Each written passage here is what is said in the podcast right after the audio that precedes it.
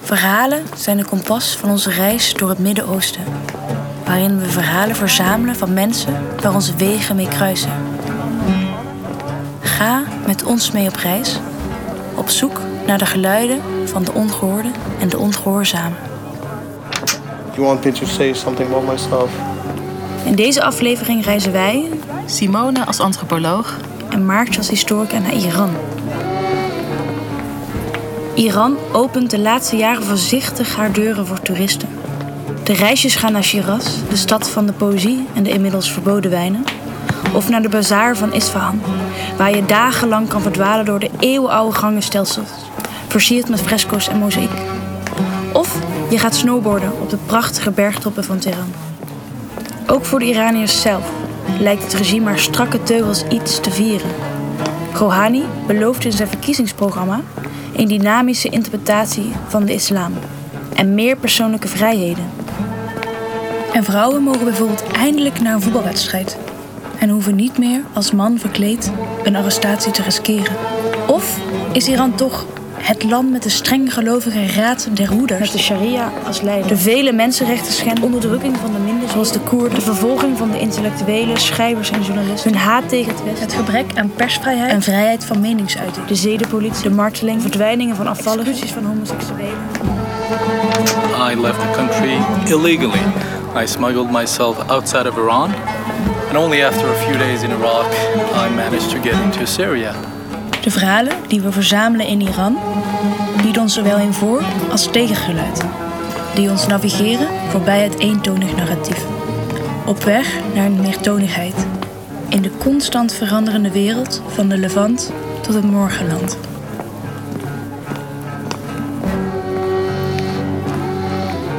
In deze aflevering ga je met ons mee op reis en gaan we langs de gedeporteerde Nicolas, people like me who's been deported, who's been born in Europe and now coming back. Unique people, all unique people gather around. langs de verbannen Azad Then there's no way to expect this government, this regime is going to come to its sense. en de gevluchte Sahand. a Kurdish smuggler who was paid to bring this family from Iran into the West. waar ze je meenemen in een moment in hun leven waarin ze zich moeten verhouden tot het dictaat van hun land.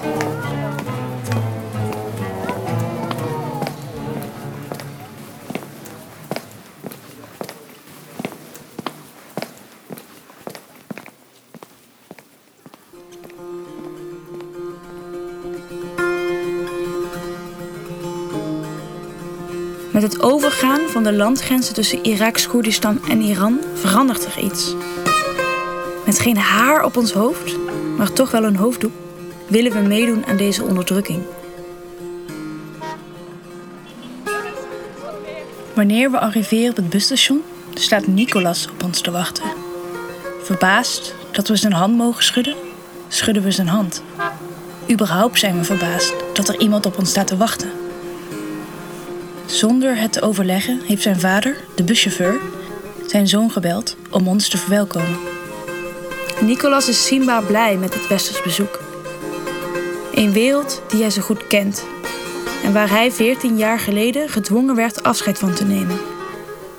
De urgentie om zijn verhaal te delen is zo groot dat hij ons meteen uitnodigt naar een underground café, waar hij wel de vrijheid voelt om te spreken. Even if we have fun, we are on maximum stress. They're playing live music. They can come in any minute to close the cafe. It's illegal, but we're doing it. We zijn nog geen uur het land binnen en we zitten alweer tussen de ongehoorzamen. Er mag eigenlijk geen live muziek gespeeld worden, geen alcohol geserveerd. En vrouwen mogen al helemaal niet hun hoofddoek op hun schouders laten vallen. Central intelligence of this town is about two blocks away from me. I'm talking it right next to it. I'm not afraid of that. They want to kill us, let them kill us. We have enough fun. We humans, we need it. We can all, can't always be in depression. We can always be inside the house. We want to get out. We vragen ons af of we op dit moment met het drinken van dit koffietje wetten aan het overtreden zijn van deze islamitische republiek. Than what the government thinks. They do their job. Let them steal whatever they want. They're stealing 35. What can I do? Nothing. Tot zijn twintigste leefde Nicolas in het progressieve Zweden, waar hij vast wel eens een biertje heeft gedronken en een jointje heeft gerookt. This is the maximum fun of young people in this country. To stay in a cafe, smoke cigarettes, get high, and drink some coffee. This is the maximum fun. They can't do more. Why not? They're having illegal parties. But most of them turn out to be in prison the next day. Het hebben van plezier is illegaal in Iran. Waar jij in Nederland in alle rust en vrijheid kunt kiezen hoe je plezier hebt, moet je hier goed om je heen blijven kijken. Op ieder moment moet je je joint kunnen uitdrukken, je hoofddoek weer op kunnen doen en weg kunnen wezen. We have a lot of occasions to be sad. Het illegale muzikale intermezzo begint met de vraag waarom het regime hen toch zo onderdrukt. Nicolas gaat op fluistertoon verder. That's why people want to get out. Because they know this government will never change. They will never fix anything. De macht is gecentreerd bij twaalf gelovigen, die de Raad der Hoeders wordt genoemd, en één superieure leider, Ayatollah Khomeini. Zij besluiten of de wetsvoorstellen in lijn zijn met de islamitische wetgeving. Zij behoeden het land van fruitgang. Zij zijn onschendbaar. Het maakt niet uit hoe hard je schreeuwt en hoe ongehoorzaam je bent naar dit regime. But in a dictatorship country, democracy has no meaning. They bring people out to vote. But before people are coming out to vote, they have chosen who to become a president. Getting people out is just for the footage of television to show the world, yeah, we have democracy in our dictatorship country. It's like the word we always say I will listen to you, I will process it, and I will do it my way. That's what they do. Can't change a dictatorship. The people who are in the government in Iran, they make a lot of promises, but they make none of them into a do. They are just words and they will stay words forever. Mm. In the beginning of the revolution, there are a lot of footages that the, the supreme leaders talked about. I will make water free, I will make electricity free. We are paying a lot for those now. None of them became true. None of them. De beloften blijken leugens te zijn. Waarom zou je hier nog naar luisteren? Vervallen in nihilisme sluit hij zijn ogen voor deze religieuze hoeders. De hoede met haar afvallige. Nicolas neemt er in ieder geval geen deel meer aan. Hij streeft naar het maximale plezier. People are a little bit more free now. When we saw this going nowhere, we changed a lot ourselves. There is a regime over there. Who cares? Live your life. Toen Nicolas weggerukt werd uit zijn hedonistische leven in Zweden toen hij gedeporteerd werd, moest hij zich nu ineens in Iran gaan verhouden tot een nieuwe orde. Wat hij eerder als een normaal leven beschouwde, wordt nu gezien als een duivels kapitalisme. How come? People want to live a normal human life. We vragen ons af of Nicolas zich hier wel thuis voelt. Listen. Do you know where I call a home? We're all humans. It doesn't matter me, you, him, her. It doesn't matter. Everywhere you go in, on, on earth, the sky is blue. I call a place when you call, and your spirit is free. That's home. Doesn't matter here, there, America, you know, Europe, Australia. It doesn't matter where. Zelfs onder dit onderdrukkende regime heeft Nicolas een manier gevonden om zijn geest vrij te laten zijn. Humanity doesn't divide people, doesn't divide religions, doesn't divide anything. Humanity is united. All together. Any color, any language, any thoughts. Abrupt verandert Nicolas van onderwerp en kijkt hij nerveus om zich heen.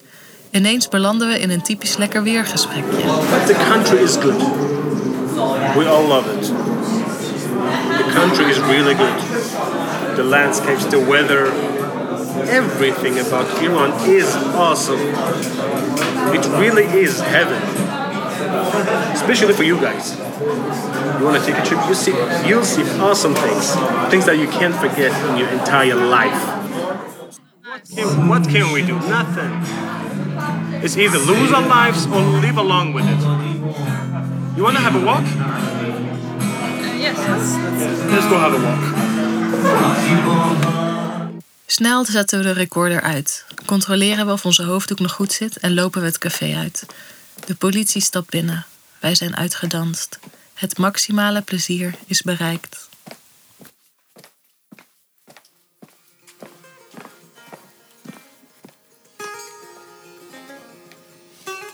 Wat zou jij doen als je leven gedicteerd wordt? Een dictaat dat ver afstaat van hoe jij je leven wilt leven. Nicolas zijn ongenoegen wordt gedicteerd en zijn maximale plezier beperkt. Hoe gaat Azad om met het Iraans dictaat? Azad is ongehoorzaam aan dit dictaat en neemt het hef in eigen handen. Met een hoger doel voor ogen vertrekt hij naar Syrië.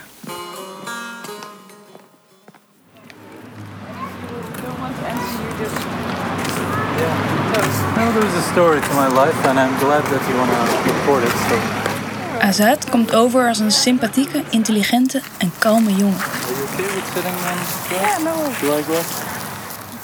Met zijn gestreken overhemd en nette schoenen heeft hij een alledaags uiterlijk. Just be careful. It's okay, I think. Ondanks zijn onuitgesproken voorkomen heeft hij toch veel te zeggen. Am I being recorded right now? What does a computer file call its fodder? Data. Met zijn knullige grapjes probeert hij het ijs in 40 graden te breken. Testing. My voice is great. Okay, got it. Keurig weet hij zijn verhaal netjes uit te spellen. Right. You have a story to tell. Where do you want me to start? Laten we beginnen bij het begin. Okay, from the beginning. Uh, in 2015, I left my career and my family in order to travel to northern part of Syria. And the reason behind this decision was that early on, uh, before 2015, I was following the news about the atrocities that were being committed. And at that time, as a young person who was uh, feeling the all the crimes happening today uh, innocent people in areas like Sinjar in Iraq and Kobani region in northern Syria, I just decided to go and do any voluntary work. And I was in northern Syria for more than three years. My service there was uh, mainly in the linguistic field, humanitarian support, as an aid worker, and as a translator. And uh, this all along took uh, three years of my life there. Destijds vochten de Syrische Koerden, ondersteund door Amerika, tegen IS. And the time uh, back then in 2015 required some immediate action. What I did, I left the country illegally. I smuggled myself outside of Iran uh, through the mountainous areas. Then I crossed into Iraq, and only after a few days in Iraq, I managed to get into Syria. Sounds easy. Quite difficult, to be honest. But the important thing was that it was safe. Mensen die afreizen naar Syrië noemen we Syriëgangers en sluiten zich aan bij IS. Maar heb je ooit gehoord van mensen die afreizen naar Noord-Syrië om zich aan te sluiten bij de Koerden, om daar vrijwilligerswerk te doen? Hoe gaat zoiets eigenlijk te werk? Before moving to Rojava, I had some contact with the humanitarian organization, specifically the, the, the Kurdish Red Crescent, some people in the media, and some civilian friends. You know, they welcomed me. And this was a whole feeling of sympathy. And I told you, I was not the only one. I knew quite a few people, not only Kurds, you know, people from Europe, and also people from Iran, non Kurdish Iranians were also there. So there was the whole sense of sympathy, people coming from different countries to support the fight, to do the, the right thing. So there was a great sense of welcome. Maar hoe weet je wat het juiste is? To me, it was just what humanity at this point needs sympathy and solidarity. Sympathie en solidariteit is één ding, maar afreizen naar een oorlogsgebied een ander. Hoe ziet zo'n dag er dan uit? The life in northern Syria at that time uh, requires a lot of perseverance. The life there is difficult. The life there at that time, where there was a military fight going on, was not very safe. I myself uh, was lucky to survive some uh, bombings. For example, I was at a location. It was like, you know, 70 meters from the location that was bombed the very next day. And uh, at the night, uh, I was planning to leave that place at 11 a.m. But uh, I don't know what happened. I just left the house early, and the bombing happened at 9:30. This was in summer 2016, and the bombing was claimed by the ISIS group. I think 60 people died, and 200 others were injured. Ondanks dat er vele levens verloren gaan, blijft het normale leven ook doorgaan. And the other aspects of the life was that everyone there is in some way, you know, working to to preserve what they have achieved so far with a lot of uh, sacrifice that they have made. So you see people working in the bakeries, in the butcheries, you know, normal civilian life continues. And even after these bombings and all these fights going on, they're scared, that's true, but that's their house, that's their homeland, and they would not easily just leave it because of the conflict. So all this give you a feeling of, you know, feeling that these people are defending their rights. Maar er worden grote offers gebracht met het verdedigen van hun recht.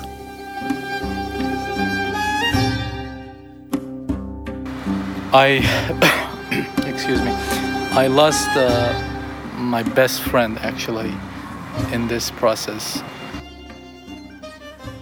He also was a volunteer. He was making documentaries and films, and also he was making films about, you know, the, the ethnicities, the, the multiple ethnicities that were involved in this resistance. What happened is that on a very early morning day, the ISIS uh, attacked from like uh, the, behind the front lines, and they they they just besieged an area of Kurdish fighters, the, the, the Kurdish Red Crescent base, and some media. He was going outside to go and visit some of my friends in the Kurdish Crescent base, and he had uh, like 13 candies in his packet, and this was the number of the Kurdish uh, Crescent employees who were working there. And when he was doing that, the ISIS were just driving by their cars and they were shooting everyone that they saw in the street. They shot him with poisonous bullets and uh, he lost his life. And this was uh, one of the biggest tragedies that, uh, you know, there is a, a scar of that pain that will always remain. Niet alleen in deze oorlog loopt Assad littekens op. Zijn familie, verderop in het thuisland Iran, komt ook niet ongeschonden uit deze strijd. My decision to go as a volunteer to northern Syria had a, a negative effect, negative impact on my family, uh, on a psychological level and on a financial level.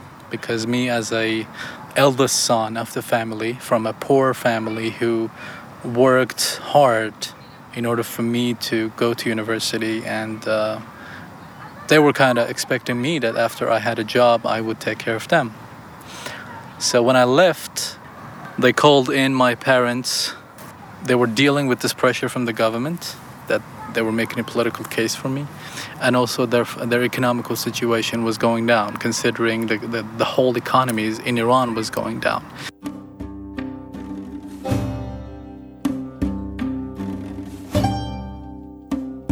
So at some point, I just realized uh, I had to go back to my family because I had not joined any military or political organization. All I did was humanitarian support. But Unfortunately, you know how the, the, Islamic Republic of Iran is dealing with its own Kurdish community. So there was a there is a great risk of uh, imprisonment, if not execution.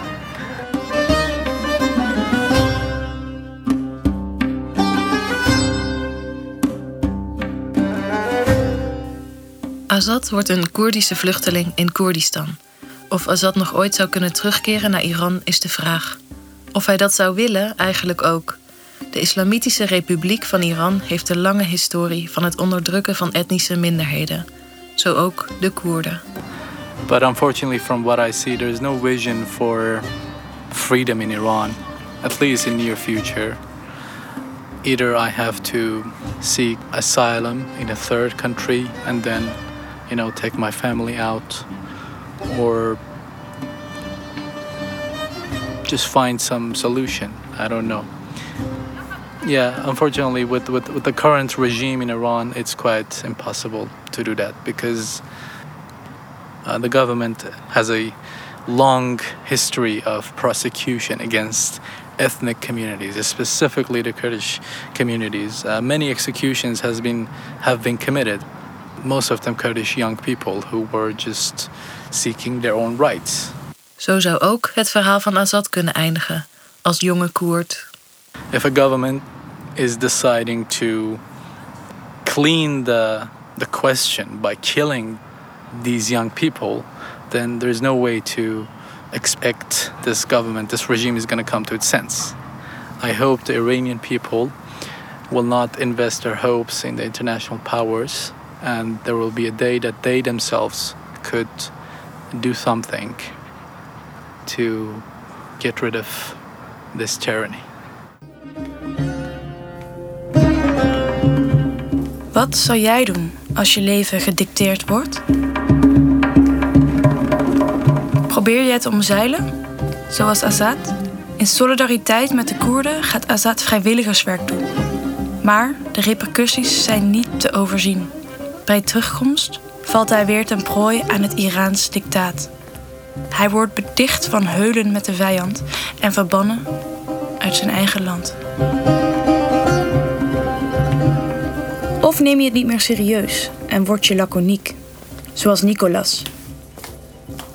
Zijn verdriet wordt gedicteerd en zijn maximale plezier beperkt. Om toch schijnbare autonomie te krijgen over zijn leven, overschrijdt hij de religieuze wetten en ondermijnt hij het regime. Als een ware hedonist gaat hij op zoek naar het volgende feestje. Of neem je vanaf dag 1 afstand van het dictaat. Zoals zijn hand.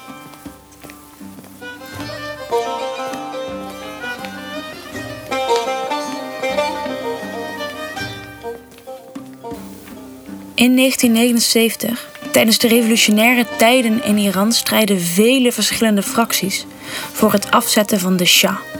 Maar dan keert Ayatollah Khomeini terug uit ballingschap en ziet zijn kans schoon om naar de macht te grijpen. Ondanks de verschillende politieke zienswijzen binnen de revolutie sticht hij toch een islamitische republiek. Deze nieuwe dictatuur duldt geen oppositie. Dit is het moment waarop de revolutionaire en communistische ouders van zijn hand besluiten het land te verlaten. Luister nu naar het verhaal van deze verhalenverteller. We spreken zijn hand niet hier in Iran, want ook al is hij hier geboren, hij zal waarschijnlijk nooit terug kunnen keren. We hebben hem al eerder op onze reis ontmoet, in Libanon, tijdens een storytellingavond. Being communists, being not religious after the revolution in Iran was quite hard. My first memory of my country is actually the memory of leaving my country. Because that memory was of me being on a horse. And that memory was of me being there behind a smuggler, a Kurdish smuggler who was paid to bring this family from Iran into the West. And my mother at that time was sitting on her horse alone by herself. And to this side, there was mountains, ice, rocks. And to that side, nothing. And it was the middle of the night. And all that I wanted as a three year old was to be with my mother on her horse. But she was a woman from the city. She had never been on a horse, let alone in the middle of the night, on rocky, icy mountains. Zijn hand is vernoemd naar een Iraanse berg, omdat zijn ouders hem absoluut geen islamitische naam wilden meegeven. Hij ziet er met zijn zwarte kooltrui uit als een typisch intellectueel. Met swing, poëtische handgebaren, vriendelijke ogen en de mooiste verhalen weet hij de aandacht van het publiek vast te houden. We came to the Netherlands. We made it. Onze aandacht heeft hij ook gegrepen en daarom nodigen we hem uit om met ons verder te praten over Iran. En dit is oké? Ja. Ja. Al die radiostem die toe. Ja. Iran betekent veel voor zijn hand vanwege de rijke traditie van de verhalende poëzie over koningen en mythische helden. Al eeuwenlang brengt Iran grote dichters voort. Voor zijn hand is Iran een oneindige bron aan verhalen. Maar toch kiest hij er vaak voor om verhalen te vertellen over Nederland. Ja, kijk, iedereen zegt van je bent een Iranier, maar ik heb, ik heb maar drie jaar in mijn leven in Iran gewoond. Ehm, en natuurlijk heb, draag ik wel heel veel van de Iraanse cultuur in mij, maar ik draag ook heel veel van de Nederlandse cultuur in mij.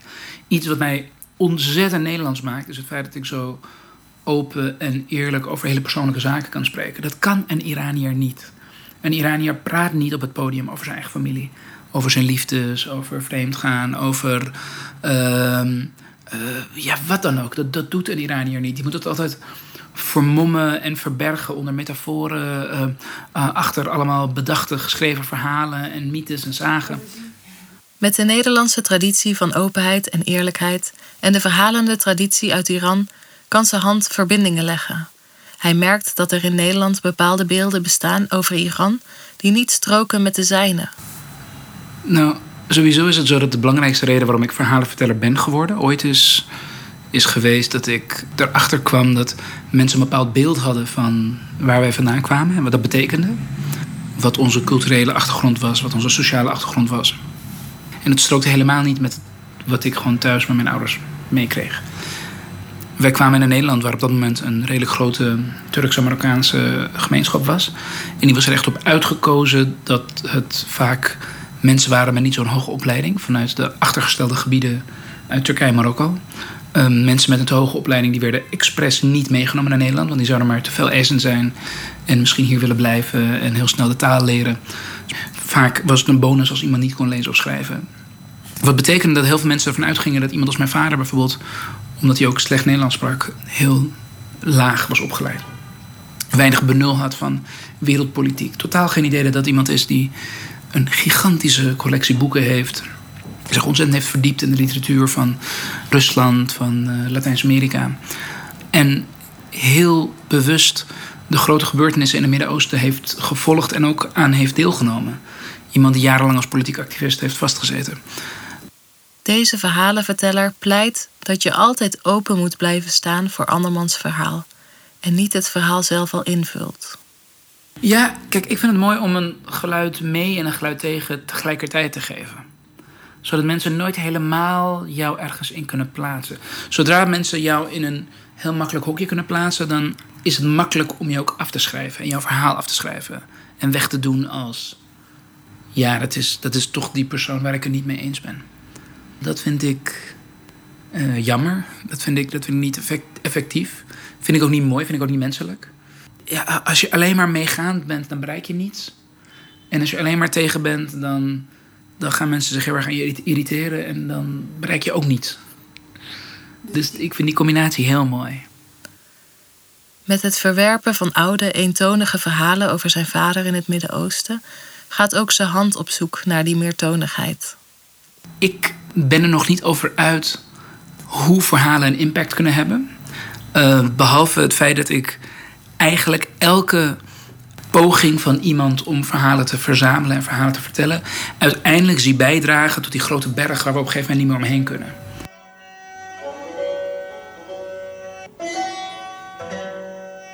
Door te bouwen aan een nieuwe berg, die is opgebouwd uit een gelaagdheid van verhalen, bouw je ook aan een genuanceerder verhaal. Want met meerdere lagen kun je tot hogere toppen komen. Hoogtes waar vanaf je verder kan kijken en je de horizon van het Levant tot aan het Morgenland kan verbreden.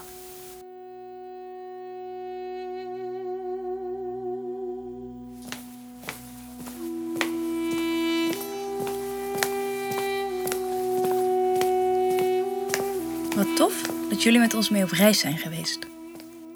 Een reis door de constant veranderende wereld van het Levant tot het Morgenland. Een wereld die het decor vormt waar de levens van de ongehoorde en de ongehoorzamen zich afspelen. en waarin zij zich een rol moeten aanmeten. Zo begon onze reis aan de grenzen van Syrië. Door naar de verdeeldheid in Libanon. I just I didn't believe that we had the ability to unify because we're so divided. It's so sad. Langs de geduldige volharding in het Palestijns vluchtelingenkamp. We are patient and fighting because we have this hope. We really do. Voorbij de schaduw, onder de Koerdische zon. Sometimes I just say, hey, just be. This is life. This is the moment. Just be. Eindigt onze reis in het poëtische, maar oh zo dictatoriale Iran. I hope the Iranian people do something to get rid of this tyranny. De levens van de ongehoorde en de ongehoorzamen zijn beïnvloed door de tragische geschiedenis van het Midden-Oosten. We hebben op reis gezien dat het vooral de context is die bepaalt welk verhaal ze te vertellen hebben. I kind of started to come in peace with it through sharing these stories. Deze duizend en één verhalen van deze bijzondere mensen waren de kompas van onze reis. We hopen dat ze hiermee dichter bij je zijn komen te staan. En storytelling zorgt ervoor dat, dat je het niet meer hebt over de ander. Je hebt het over die ene persoon die heel dicht bij je staat en die je bijna kan aanraken. Dat is niet een ander.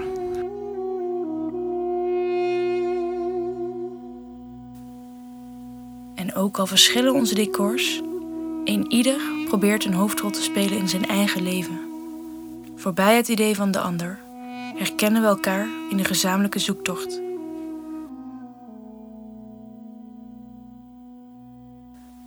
Zo zijn wij allen op onze eigen manier op zoek naar autonomie en keuzevrijheid. Naar de vrijheid om te zijn wie we zijn.